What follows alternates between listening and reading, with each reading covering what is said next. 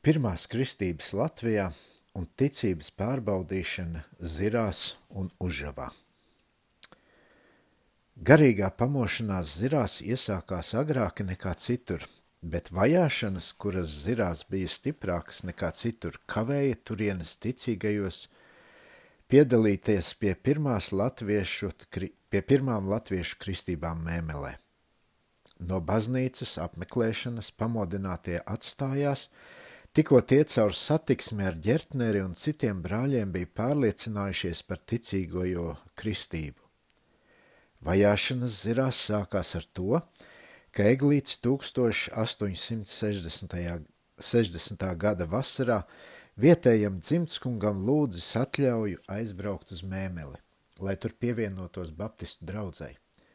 Jau tad von Drāhenzels piedraudējis Eglītim – Šādu viņa nodomu izpatināt kā pelus un aizliedza tam noturēt savās mājās dievvvārdus, ko Eglīts jau piekopa vairāk nekā desmit gadus.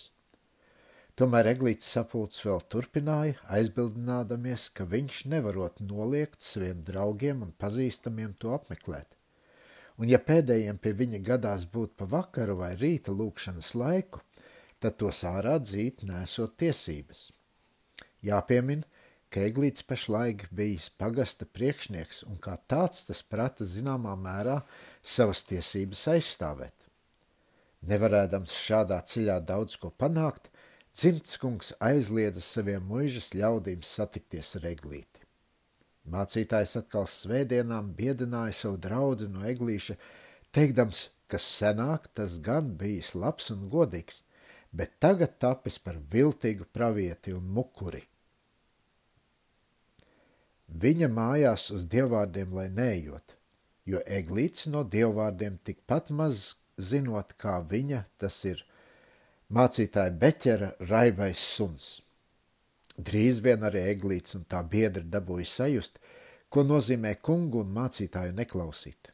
Kāds no muižas puišiem Bērskalns vārdā atnācis pie eglīša uz sapulci. To dabūjuši muižā zināt, un Bērskalns par to sodīts ar pērienu. Lai pamodināties savā starpā nesatiktos, barons ar mācītāju izraudzīja īpašus vīrus, kam uzdeva eglīti un tā biedrus uzmanīt, ar ko tie satiekas un par to ziņot muižā. Kungam un mācītājiem izlicies, ka nu iestājies miers un mukuru, kustība reiz apspiesta, bet patiesībā bija gluži otrādi. Nevarēdama vairs zirās sapulcēties, daudzi no pamodinātiem gāja uz užavu, kurš satikās ar mēmelē kristītiem ticīgiem, un ar vien vairāk nāca pie noskaidrotas rakstu atzīšanas un ieskatiem, ka baznīcas pavēnī nav iespējams vairs ilgāk palikt, ja grib dzīvot pēc savas apziņas un pārliecības. Eglīts, kuru sevišķi cieši uzraudzīja un kuru arī viņa priekšnieka amats turēja pie mājām, bijusi kādu laiku gluži atgriezts no visas satiksmes ar saviem domu biedriem. Lai sazinātos ar pārējiem, Eglīts savu rakstu uzaicināja savus cīņa biedrus sapulcēties naktī kādā zināmā vietā žogmalā. Tā arī noticis, un šajā nakts sapulcē vajātie patiesības meklētāji pārunādami savu stāvokli nāca pie pārliecības, ka baznīcas paspārnē dzīvot vairs nav iespējams, un tāpēc no tās jāšķiras. Tad arī mācītājiem vairs nebūs gar tiem daļas. 1861. gada rudenī bija jau sakrājies pravs pulciņš pārliecinātu ļaužu, kas gaidīja uz kristību. Uz mēmeli braukt šoreiz vairs nevajadzēja, jo mēmeles draudze bija uzticējusi Adamam Ģertneram kopt ticīgajo pulciņu kurzemē, un, ja vajadzīgs, arī kristīt un vakariņu dalīt. Par kristību vietu izredzēja ziras. Ziras upīti. Tajā vietā, kur tā tek pa plašajām užavas un ziru pļavām, tālu no apkārtējām mājām, lai svinīgais darbs varētu netraucēt notikt. 9. septembrī, svētvakarā, kristāmie gan kājām, gan braukšas sāka pulcēties pie kristāmās vietas – Kad visi bija sapulcējušies, iestājusies jau arī nakts. vēl brīdi nogaidījuši, līdz kamēr apkārtējās mājās viss palicis klusu, tad kristības izdarītājs Adams Ģertners sacīs īsu, sirsnīgu runu, pēc tās nodziedājuši dziesmu iz kurzemes luterāņu dziesmu grāmatas, un Ģertners kāps ūdenī, lai izdarītu pirmo bībelīgo kristību Latvijā. Tas notikās pulksteni vienos naktī starp 9. un 10. septembri. Kristāmo skaits bija 72. Starp kristāmiem bijis arī Eglīts ar saviem cīņu biedriem. Pēc kristības jaunkristītie turpat upes malā baudījuši tā kunga mielastu. Tie bija pulcēti ap zālītē noliktu galdu, virs kurā aizdegts vējlukturis izplatīja savu vājo gaismiņu. Jaunās draudzes sapulces vieta bija Užavas ķēļu mājas un Belu mājas birze. Ķēļu saimnieks draunieks dabūjis vairākas reizes sēdēt Ventspils cietumā par to, ka nav sapulcējušos ārā dzinis. Kad jaunā draudzīte ķēļu mājās tikusi visai traucēta, tā noturējusi savus sapulces birzē. Tur bijis jau mierīgāki. Vakariņš bieži dalīts naktī zem lielā kuplā ozola, kas audzes birzes vidū. Bez draunieka vēl dabūja ciest savas pārliecības dēļ, Tuniku saimnieks Jankovskis, Ventspils pilsties to sodījusi ar miesas sodu, un vēlāk zūru grāfs Lampsdorfs to izlika iz mājām. Tas pats grāfs licis arī no mājām izsviest gabaliņu saimnieku bitenieku. Ja no jauniem cilvēkiem kāds izlicies kungiem tāds šaubīgs ticības lietās, tad tāds nodots uz kādu laiku pagasta skolā, kur tam nācies no jauna pārmācīties baušļus un ticības locekļus, lai nostiprinātos vecajā ticībā. Tā tas darīts ar abiem brāļiem strautiem, Kasparu un Kristu. Augstam laikam iestājoties, nav vairs bijis iespējams sapulces noturēt birzē. Tad draunieks tādas noturējis ik svētdienas savās ķēļu mājās. Tas tapis zināms, un visi dalībnieki sodīti ar vienu rubli un uz priekšu tiem piedraudēts divi tik liels sots. Bet, kad nākošajā svētdienā sapulce tomēr notikusi, tad naudas soda vietā daži dalībnieki sodīti ar rīkstēm. Tomēr ticīgajie no savām sapulcēm nav atstājušies. Pagastiesa nospriedusi visu sodu naudu piedzīt tikai no ķēļu saimnieka. Lai izzinātu apmeklētāju skaitu, tiesa uzdevusi kādam vīram tos saskaitīt bijuši simt apmeklētāji, un drauniekam piespiests sots 150 rubļi. Nosodītais žēlojies pilskungam, bet bez panākuma.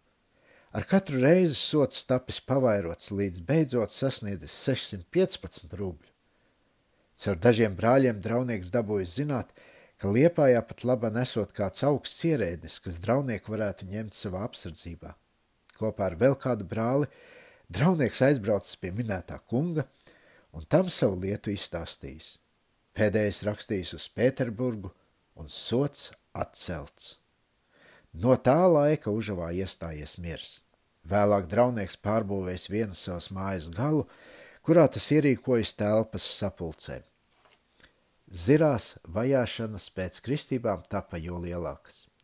It sevišķi jaunkristītos ienīda mācītājs Beķeris lai strādātu pretī jaunticībnieku, tā toreiz saukuši baptistus iespaidam, Beķeris braukājis apkārt pa mājām, kurās dzīvoja jaunticībnieku draugi, lai tiem iestāstītu, ka viss tas, ko Eglīts teica un māca, ir nieki. Reiz tādā nolūkā tas apmeklējis kādas mājas, un tur ņēmies aizstāvēt pīpošanu un iedzeršanu par, gu, par godam, jo abiem jo pret abiem šiem netikumiem uzstājās eglīts. Lai jo lietišķāki pierādītu, ka visa netikumība un ļaunums pie smēķēšanas ir iedomātas, mācītājs bija paņēmis lielu pīpi, ko staigādams pa ļaužu istabu kūpinājis, bet tā kā pēdējā bieži dzisusi, jo mācītājiem nācies daudz runāt, tad vietējiem saimniekam bijis mācītājiem ar vienu pa istabu līdz jāstaigā, un ar degošu skalu jābiksta pīpes galviņa. Kāds no baptistiem bija teicis, ka pīpes galvā esot elle un čibukā, pīpes kātā, vēls. Par to mācītājs bijis ļoti noskaities un sacījis, kā nu tādas muļķības varot runāt, jo kā gan tādā mazā galviņā varot ietir, ietilpt elle, un tādā tievā čibukā vēls. Mācītājs aizstāvēja šīs lietas, teikdams, ka tas, kas cilvēkā ieejot, to nesagānot. Tad kāds jauneklis, Krists Lēlis, piegājis pie bībeles, atšķīris kādu rakstvietu un to rādījis mācītājiem. Tas par šādu pārdrošību tā noskaities, ka nolamājas lēli par šmurguli, kam nesot kauns mācītājiem bībeli mācīt un tūliņ aizteidzies uz muižu pie barona žēloties, ka tam tik nekaunīgi ļaudis, kas pašam mācītājiem bībeli no rokām raujot ārā. Otrā dienā vainīgi aizsaukt uz muižu. Barons tiem uzkliedzis, kā tie iedrošinājušies mācītājiem bībeli no rokām raut. Šādu nekaunību viņš, barons, no saviem ļaudīm vairs necietīšot. Pēc barons pagriezies pret lēli un tam uzsaucis. Un tu, kam vēl slapšais ausīm, arī iedrošinies mācītāju mācīt. Tad barons pasauc vagaru, un lēlim turpat barona kabinetā nācies saņemt 15 pletnes cirtienu. Pārējie gan nav pērti, bet barons piedraudējis tos samīt kā dubļus, ja tie vēl kopšot savu mukuru mācību. Šis gadījums tomēr neatturēja ļaudis no pulcēšanās uz dievvvārdiem mazpūšļos. Reiz kāds no muižai iztapīgajiem kalpiem par tādu sapulci paziņoja baronam. Eglīts tūliņ aicināts uz muižu, kur uh, von Drāhenzels tam prasīs, kāpēc tas pretojoties kungam – un nemitoties pulcināt ļaudis. Dievvvārds taču arī mācot, ka kungiem jāklausa. Eglīts atbildējis, ka tas gan tā ir, bet aizrādījis uz apustuļiem, kuri, lai gan bijuši valdībai paklausīgi, tomēr tādā gadījumā, kur tiem gribēts aizliegts runāt, sacījuši, ka nevarot palikt nerunājuši no tā, ko redzējuši un dzirdējuši. Barons par šādu atbildi ļoti noskaities, norakstījis vēstuli un sūtījis to ar eglīti uz Ventspils pilstiesu. Neko darīt. Bijis tuliņ jābrauc. Tiesa vēstuli izlasījusi, eglīti vēlreiz izbārusi un tam piespriedusi divas dienas cietumu. Cietumā klājies ļoti grūti, sevišķi naktī, jo cietumnieku bijis daudz un cietuma istaba neliela. Izlaists ārā brīvā, brīvajā gaisā, eglīts juties kā paradīzē. Viņas zirdziņš pa to starpu bija nodots kādam no ziras, ziru mūžas iebraukušiem darbiniekiem, kas to aizvedis uz mājām. Kājām soļodams māju, eglīts pārdomājis notikušo, un tam palicis smagi ap sirdi. To nomākušas domas, vai tas tikai dieva prāts, ka viņam, sekojot savai apziņai, jāapkaitina savs kungs, kur Dieva vārds taču norāda, ka kungiem jāklausa un nevien tiem labiem, bet arī tiem bargiem. Nonācis pie ziru muižas, Eglīts nevarējis citādi kā iet pie Drāhenzelsa lielkunga un lūgt piedošanu, ka tas caur savu izturēšanos to kaitinājis. Viņam Eglītim negriboties tā dzīvot, ka tam nedz savu kungu, nedz dievu nebūtu jāapkaitina. Uz šo vaistardīgu atzīšanos barons it strupi atbildējis. To tu vari darīt. Esi godīgs un čakls, nezodz, nemelo un klausi mani, savu kungu. Dievu lūgt un bībeli lasīt to arī vari. Cik tev tīk, tikai citiem nemāci. Tā kā arī pilstiesa bija apstiprinājusi aizliegumu noturēt sapulces, tad lieta bija nopietni ņemama, un par sapulču noturēšanu pa mājām nebija vairs ko domāt. Barons arī noteicis visiem saviem saimniekiem neatļaut nekādas sapulces savās mājās, ar piedraudējumu nepaklausīgos no mājām izdzīt. Tomēr ziru ticīgajie neļāvās izbiedēties. Ja mājās bija aizliegts sapulcēties, tad sapulces noturēja zem klājas debesis.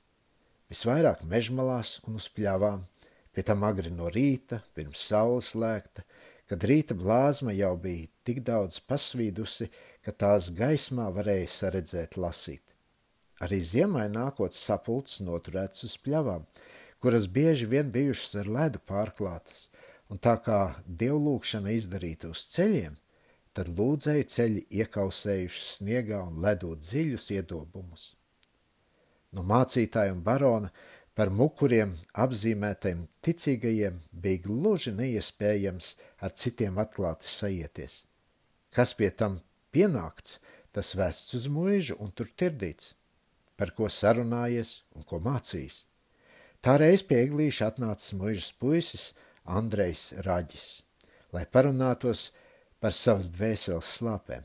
Kāds par to paziņojas mūžā, atkal eglīts aizsaukts pie barona un no tā ar vēstuli sūtīts uz pilsties Ventspilē. Šoreiz tiesa nosodīja eglīti ar cietumu uz divām nedēļām. Tagad eglītim cietumā klājies labāk nekā iepriekšējās reizēs, jo Ventspilī dzīvojošā māsa Korna viņu ikdienas apmeklējusi tam piegādātam uzturu. Spaidu brīžos vienam un otram no ticīgajiem uzmākušās domas. Kā būtu, ja visām sapulcēm reiz atmestu ar roku un dzīvotu mierā? Bet vajadzējis tikai satikties ar vienu vai otru no cīniņa biedriem, lai atkal jauns prieks un dedzība ieplūstu dvēselē. Pēc kāda laika ticīgajie atkal mēģinājuši sapulcēties mājās, tomēr drīz tas tapis muižā zināms, kādā no sapulcēm pārtraukta un tās dalībnieki skaitā 30 sūtīti kājām uz pilsties Ventspilē. Starp apcietinātiem bijušas arī vairākas sievietes uz grūtām kājām. Tiesa apcietinātos izlamājusi un atlaidusi tikai sapulces vadona Eglīti paturējusi uz dažām dienām cietumā. Reiz Eglīts apgādājis saviem draugiem Loskiela dziesmu grāmatu. Tikko tas nāca zināms kungam, pēdējais atkal atsaucis Eglīti uz mūžu un to izbāris, ka viņš iedrošinoties, iedrošinājies tādas mukuru grāmatas izplatīt un tad atkal sūtīts ar rakstu uz Ventspili. Šoreiz Eglīts iesēdināts uz divām nedēļām. Redzēdams, ka tomēr nekas nav izdarāms, barons no savas puses meta mieru un sapulces vairs netraucēja. Šo darbu tad uzņēmās daži nīgri patiesības pretinieki. Tā reiz kādā sapulcē, kas noturēta Baldbārža mājās, ienācis pagast priekšnieks, pavadīts no kāda vīra ar lielu kuli rokā. Priekšnieks atņēmis visiem sapulcējušamies dziesmu grāmatas, sametis tās maisā, un tad aiznesis muižas pārvaldniekam. Bet šoreiz priekšnieks nav kāroto panācis. Pārvaldnieks izbāris pakalpīgo pagastu priekšnieku un licis cietušiem paziņot, lai nāk uz mūžu grāmatas saņemt atpakaļ. Kādā citā reizā pekstu mājās, kad sapulcētie pašlaik ceļos lūguši dievu ienāk mūžas dārznieks, brien pāri lūdzēja kājām līdz nokļūst istabas dibinā. Tur tas sagrābēs matiem kādu pušaugumu jaunavu, savu miesīgo meitu, uzceļ to un aiz matiem izrauj priekšnamā, kur tad savu bērnu ņemas ar koku daudzīt. Tomēr tēva nežēlīgā izturēšanās nav atturējusi meitu sekot savai pārliecībai. Nākošās kristībās kristīta arī minētā jaunava. Toreiz mūžas izturēšanos ļoti raksturo šāds atgadījums. Kādā ziemas vakarā puteņa laikā Eglīša mājās iebraucis Adams Ģertners kas pat labam bijis ceļā no kuldīgas uz labragu. Pēc noturētām vakariņām draugi vēl dažas stundas parunājušies, un tad dievu pielūguši likušies gulēt. Pulksten 11. tos no miega uztraukuši muižas vagars un vēl kādu, ar vēl kādu vīru, kas ar troksni caur pakaļējām durvīm ienākuši istabā un uzsaukuši saimniekam, lai tas tuliņ kopā ar savu viesi nākot uz muižu, barons tā liekot. Neko darīt. Bijis jāceļas, jājūt zirdziņš un jābrauc vagarim līdzi. Pēdējais gan tūliņ nav braucis uz mūžu, bet pa priekšu apbraukājis eglīša biedrus vai pie tiem neuzies kādu svešinieku. Kamēr meklētāji pārmeklējuši mājas, eglītim un ģertnerim tos nācies uzgaidīt ārā, puteņi negaisā. Mūžā tie nobraukuši tikai divos naktī. Tur abi apcietinātie ievietoti mūžas cietumā, Tas bija augsts, kā apcietinātiem nācies visu nakti pavadīt kājās, drebēdamies no augstuma. Nākošā rītā barons tos saucis sev priekšā un ļoti bargi uzbrucis seglītim, ka tas iedrošinājies svešnieku uzņemt. Dabūjis zināt, ka ģērtneris ir ceļā no kuldīgas uz labragu, barons tam uzkliedzis: Tu vēl skroderis, vai tu labraga ceļu nezini? Labāk būtu gājis vēlam bikses šūt nekā apbraukt, nekā apkārt braukāt un savu mukuru mācību izplatīt. Vēl daudz citādi tos izlamājis. Barons atkal sūtījis apcietinātos uz Ventspili, kur tie uz četrām dienām ielikt cietumā. Beidzot, Fon Drāhenzels izlietojas pret ienīdētiem mukuriem savu beidzamo līdzekli. Tas uzteicis visiem neklausīgiem saimniekiem mājas. Uzteikto māju vārdi bija mazpūšļi, pekstes, sniķeri, baldvārži. Minētie saimnieki aizbraukuši baronu lūgt, lai tos taču no mājām nedzen, bet barons atbildējis, ka tie vairs viņa ļaudis nesot. Tie esot pagāni, un viņš negribot pār pagāniem valdīt. Izdzītie gan vēl dabūjuši vietu tanī pašā pagastā kādās vecās mājās. Lauki gan bijuši plaši, bet ēkas aprēķinātas tikai vienai saimniecībai. Tomēr, nu, šeit nācies dzīvot četrām ģimenēm. Izītie saimnieki šajā vietā nodzīvojuši trīs gadus. Dzīve bijusi grūta, bet īsta saticības un savstarpējās pacietības skola tā stāsta kāds no cietušiem. Pa šo starpā arī miris von Drahenzels un zemnieku mājās nākušas pārdošanā. Izītie saimnieki gribējuši sev sagrākās mājas pirkt, bet tās tiem nav pārdotas.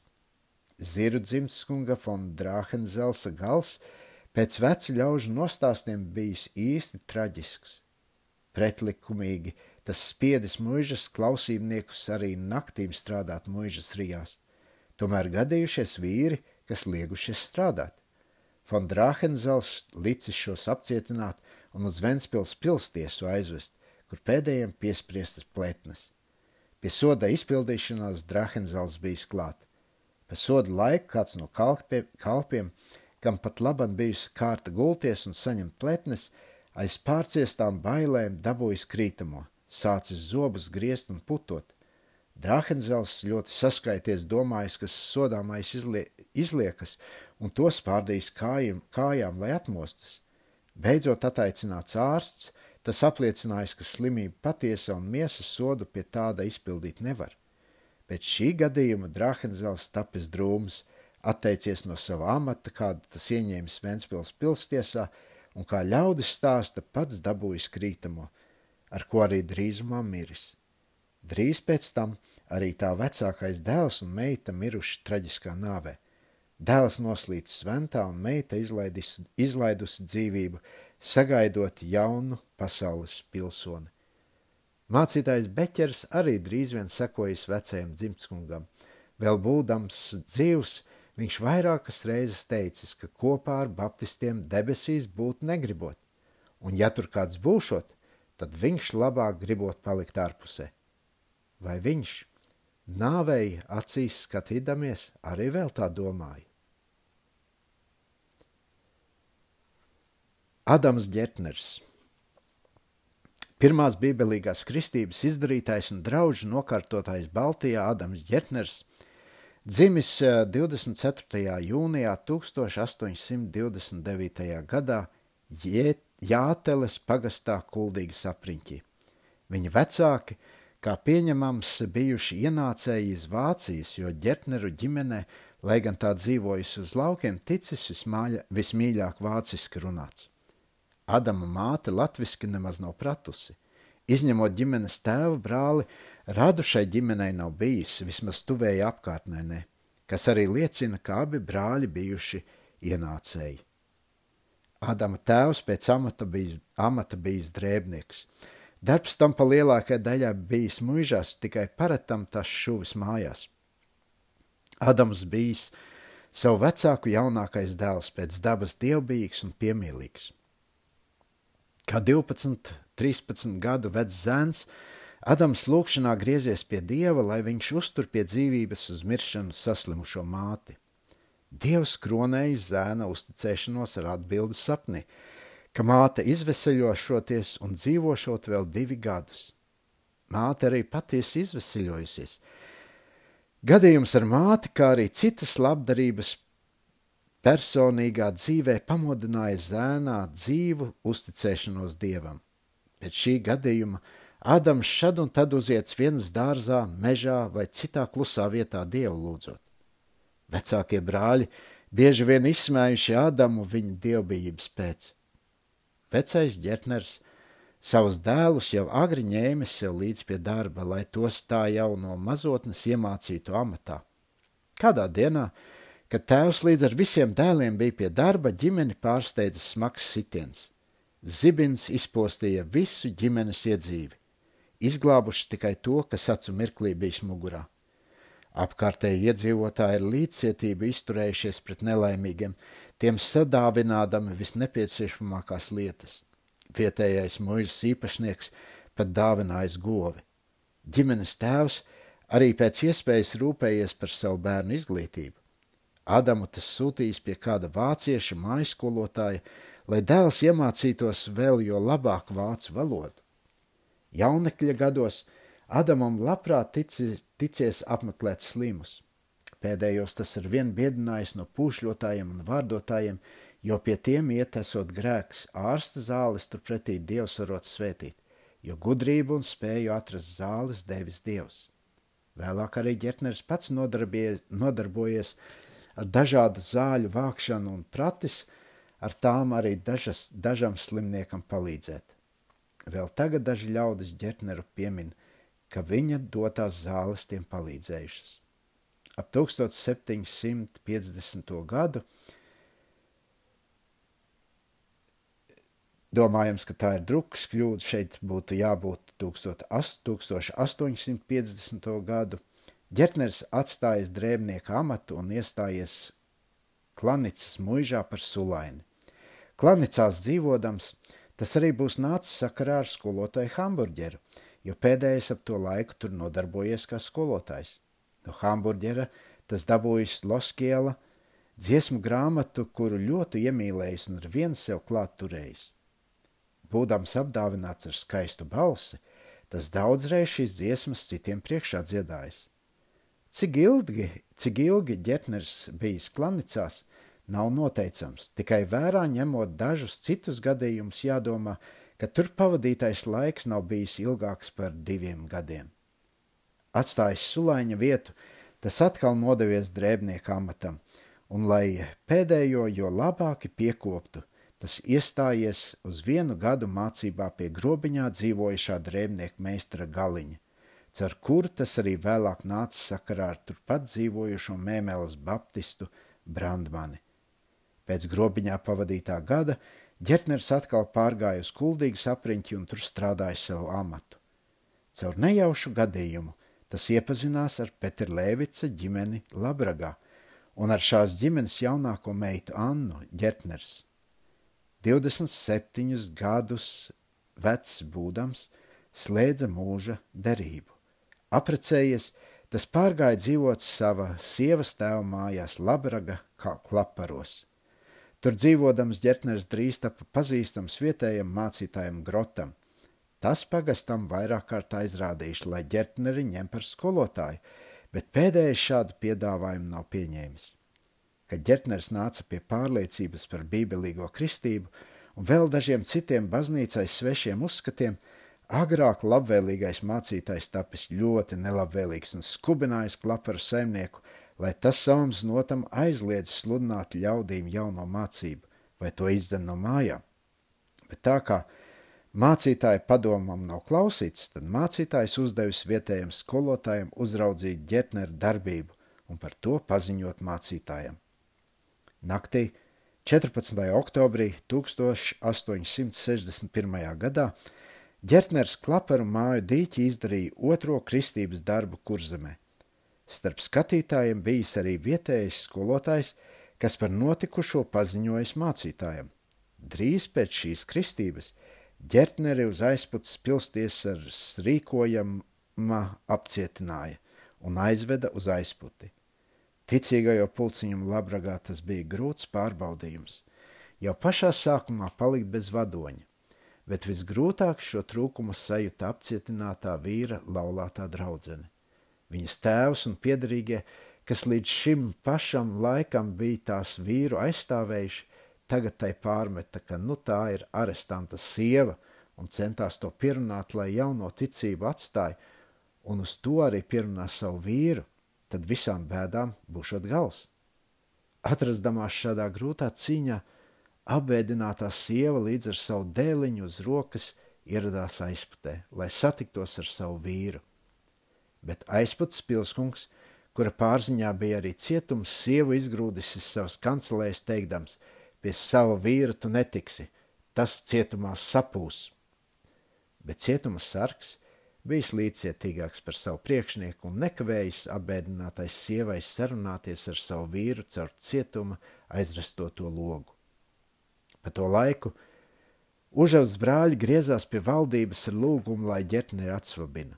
Brāļiem Kovskis un Jānis Zirnieks no pārējiem brāļiem sūtīti 1861. gada decembrī aizgāja uz Jelgavu un griezās pie vietējā gubernatora Fon Breverna ar lūgumu dēļ ģetnera atsvabināšanas, bet pēdējais tos atraidīja, teikdams, ka viņš nekā darīt nevarot pirms augstākā valdība nav devusi kaut kādu noteikumu baptistu lietā, un teicis, lai ejot paši uz Pēterburgu brīvību meklēt. Uz šādu aizrādījumu abi minētie brāļi arī patiesi aizbrauca uz Pēterburgu un tur nodeva lūgumu uz visaugstāko vārdu, bet atbilde uz šī raksta tik ātri vis nenāca.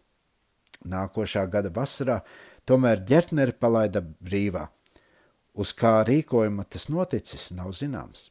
Tikai īsi pirms atlaišanas Jānis Jankovskis, Jankovskis apmeklējis ģetneru sievu un redzēdams viņu ļoti nobēdājušies par savu vīru, kā arī par bērnu, kas pat labāk bijis grūts slims, tas teicis, ka iešot uz aizputi un tās vīru pārvedīšot mājās.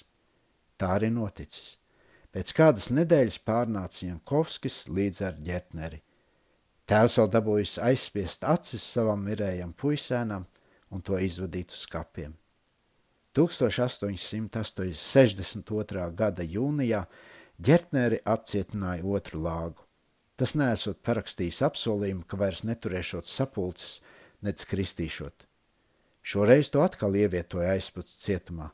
Cik ilgi ģertneris šoreiz tur sabijis, nav skaidri noteicams, tikai zināms, ka nākošā gada aprīlī tas atkal bijis svabadībā. No cietuma ģetners rakstījis uz vietām, kur bijušas pabodinātas dvēseles, kas gaidījušas uz kristību, lai sagatavojas uz to, jo tikko viņš būšot izlaists ticis, tas ieradīšoties, lai kristības darbu izdarītu. Tā arī bijis šoreiz. Drīz pēc izlaišanas iz cietuma ģetners vispirms izdarīja kristības darbu 20. maijā 1863. gadā pulksten vienos no rīta Užavā un 24. maijā Skatrē. Pābām reizēm kristītas 64 personas. 29. jūnijā 1863. gadā ģertneri aicināja uz grobiņas pilstiesu, kur tam prasīts, kas tam atvēlējis kristīt. Ģertners atbildējis, ka pestītājs savā vārdā to pavēlējis. Pēc šādas atbildes ģetneri apcietināja un ievietoja grobiņas cietumā. No turienes to pēc astoņām dienām aizsūtīja uz aizputi. Cietumā būdamam ģetnerim bieži uzmākusies kārdināšana atmest visam ar roku un būt brīvam, jo rūpes ģimenes dēļ to ļoti nospieda. Šādos tumšos brīžos, kad vētras plosījās dvēselē, ģetners cietumā uzdziedājis dziesmu un rūpes klīda kā saplosīti mākoņi no pietvīkušajām debesīm, kad saulīte paveras apvārsnī. Kad ģertnera miesīgais brālis to atnāca cietumā apmeklēt, un uz ielas izdzirdēja jis brāļa un tā līdzbirdas skaļo dziedāšanu, tas turpat aiz uztraukuma saslimis.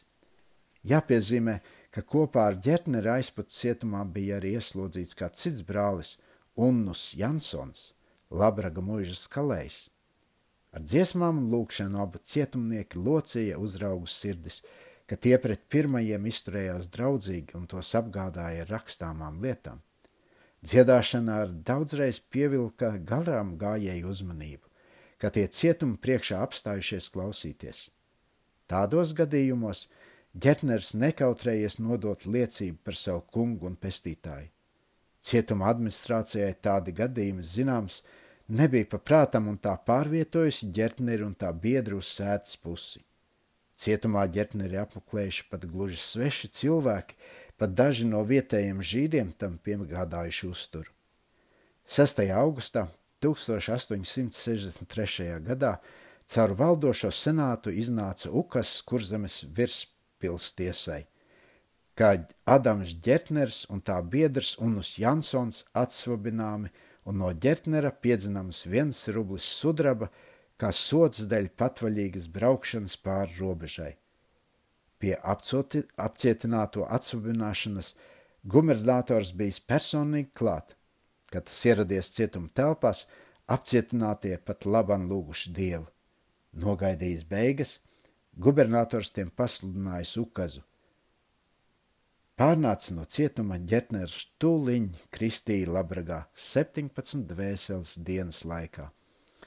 Ar atsvabināšanas ukazu vajāšanas tomēr nemitējās arī pret ģetneri pašu ne. Pēc tam, kad tas kādu laiku bija strādājis pilnīgā brīvībā, tas atkal apcietināts un nolikts kuldīgā zem ciešas uzraudzības.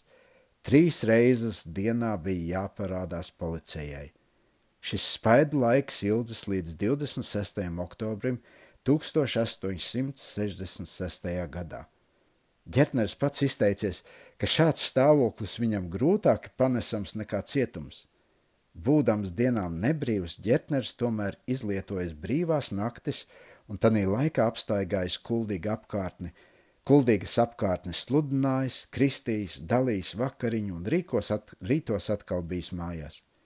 Par kādu no šīm sapulcēm vecais brālis ģēģers sakas klienu mājas saimnieka tēvs stāstas sekojošo. Kādās, kādās uh, mežsarga mājās uz Ventas krasta – Kuldīgas padurē bijusi izziņota sapulce. Sanākušie klausītāji nu gaidījuši uz ģertneri, bet tas nerādījies. Jau ģertneris taisīs sapulci vadīt, tad, kad pašlaik pašķīrušies netālu no mājām atrodošie šie skrūmi un no tiem iznācis ģertners. Noturējis sapulci, tas atkal nozadzis krūmos, lai izvairītos gūstītajiem – un laikā vēl notik, notiktu kuldīgā policijai parādīties. Pēc galīgas brīvības 1866. gadā Ģetneram vēl bija lemts strādāt gandrīz apaļus desmit gadus. Šis laiks rādās pavadīts drudžainā darbā, gandrīz vai visu nakti, visu tanī laikā nodibināto draudžu kristāmos ruļos atrodami ģertnera kristītu locekļu vārdi. Darbs jaunlīstā dieva draudzes līdumā bija viņos laikos tiešām smags līdumnieka darbs. Jaundibinātās draudzēs caur piedzīvojumu trūkumu bieži vien cēlās sarežģījumi un nevienprātības kā strādnieku, tā arī locekļu starpā, ko nācās līdzināt. Tādās reizās padoms bija dārgs – un tādu varēja dot tikai vairāk piedzīvojošie brāļi mēmelē. Tādos laikos ģetners arī daudzreiz slepen naktīs gājis pāri robežu uz mēmeli un tur padomu smēlies. Atkal slepus nācis atpakaļ. Ģimenes dzīvē ģetners bijis labs tēvs un vērts vīrs. Atzīdams skolas nepieciešamo vajadzību, Tas ne tikai centies savus bērnus skolā sūtīt, bet arī pats sirsnīgu dalību ņēmis bērnu skolas darbos, tiem piepalīdzēdams vācu valodā, zīmēšanā un rēķināšanā, jo šie priekšmeti ģertneram pašam patikuši. Kad slimība kādreiz uzbrukdama ģimenei saistījusi mājās māti pie gultas, tad ģertners ar prieku darījis visus mājas darbus. Jaunekļa gados Ģerners parādījis jautru dabu, pratis smalki izturēties un arī veikli dejot, lai gan pēdējai baudai nebijis visai pieķēries. Vēlāk, staigājot savu nopietno uzdevumu gaitu, tam ārīgais jautrums izzudis, jo tā vietu būs ieņēmis iekšējais prieks, kas to pat cietuma mūros nav pametis vienu. Svešā sabiedrībā ģertners bijis kluss, runājis tikai tad, kad ticis jautāts, un atbildējis bijis ļoti strups. Ja sarunas grozījušās ap lietām, kas tam tuvu stāvēja, tad ar prieku piedalījās pie tām un tādās reizās pat iekarsējies. Kad 1866. gadā kuldīgā tiesa paziņoja ģertneram, ka uzraudzība par viņu atcelta, tas tiesai lūdzas rakstītu apliecību, ka tas atlaists. Tiesa tam tādu izsniegusi, bet ģertners to izlasījis un par trūcīgu atradis. Tā saskaities, ka rakstu uz vietas saplēsis un prasījis citu jau pilnīgāku, kas tam arī dots. Pārējā satiksmē ģertners bijis ļoti pacietīgs, daži pat tam pārmetuši, ka neprotot dusmoties. Savas dzīves pēdējos gados ģertners pārnāca dzīvot uz Veldas dižnārķu mājām, kur tas pēc pusgadu ilgas slimošanas 23. augustā 1876. gadā slēdza acis uz mūža dusu. Mirdams viņš, starp citu, savu vecāko dēlu svētīs tā: Klausi māmiņu, neatstāja baptistu draugu, un ja tu iesi un darīsi citādi, tu būsi pazudis.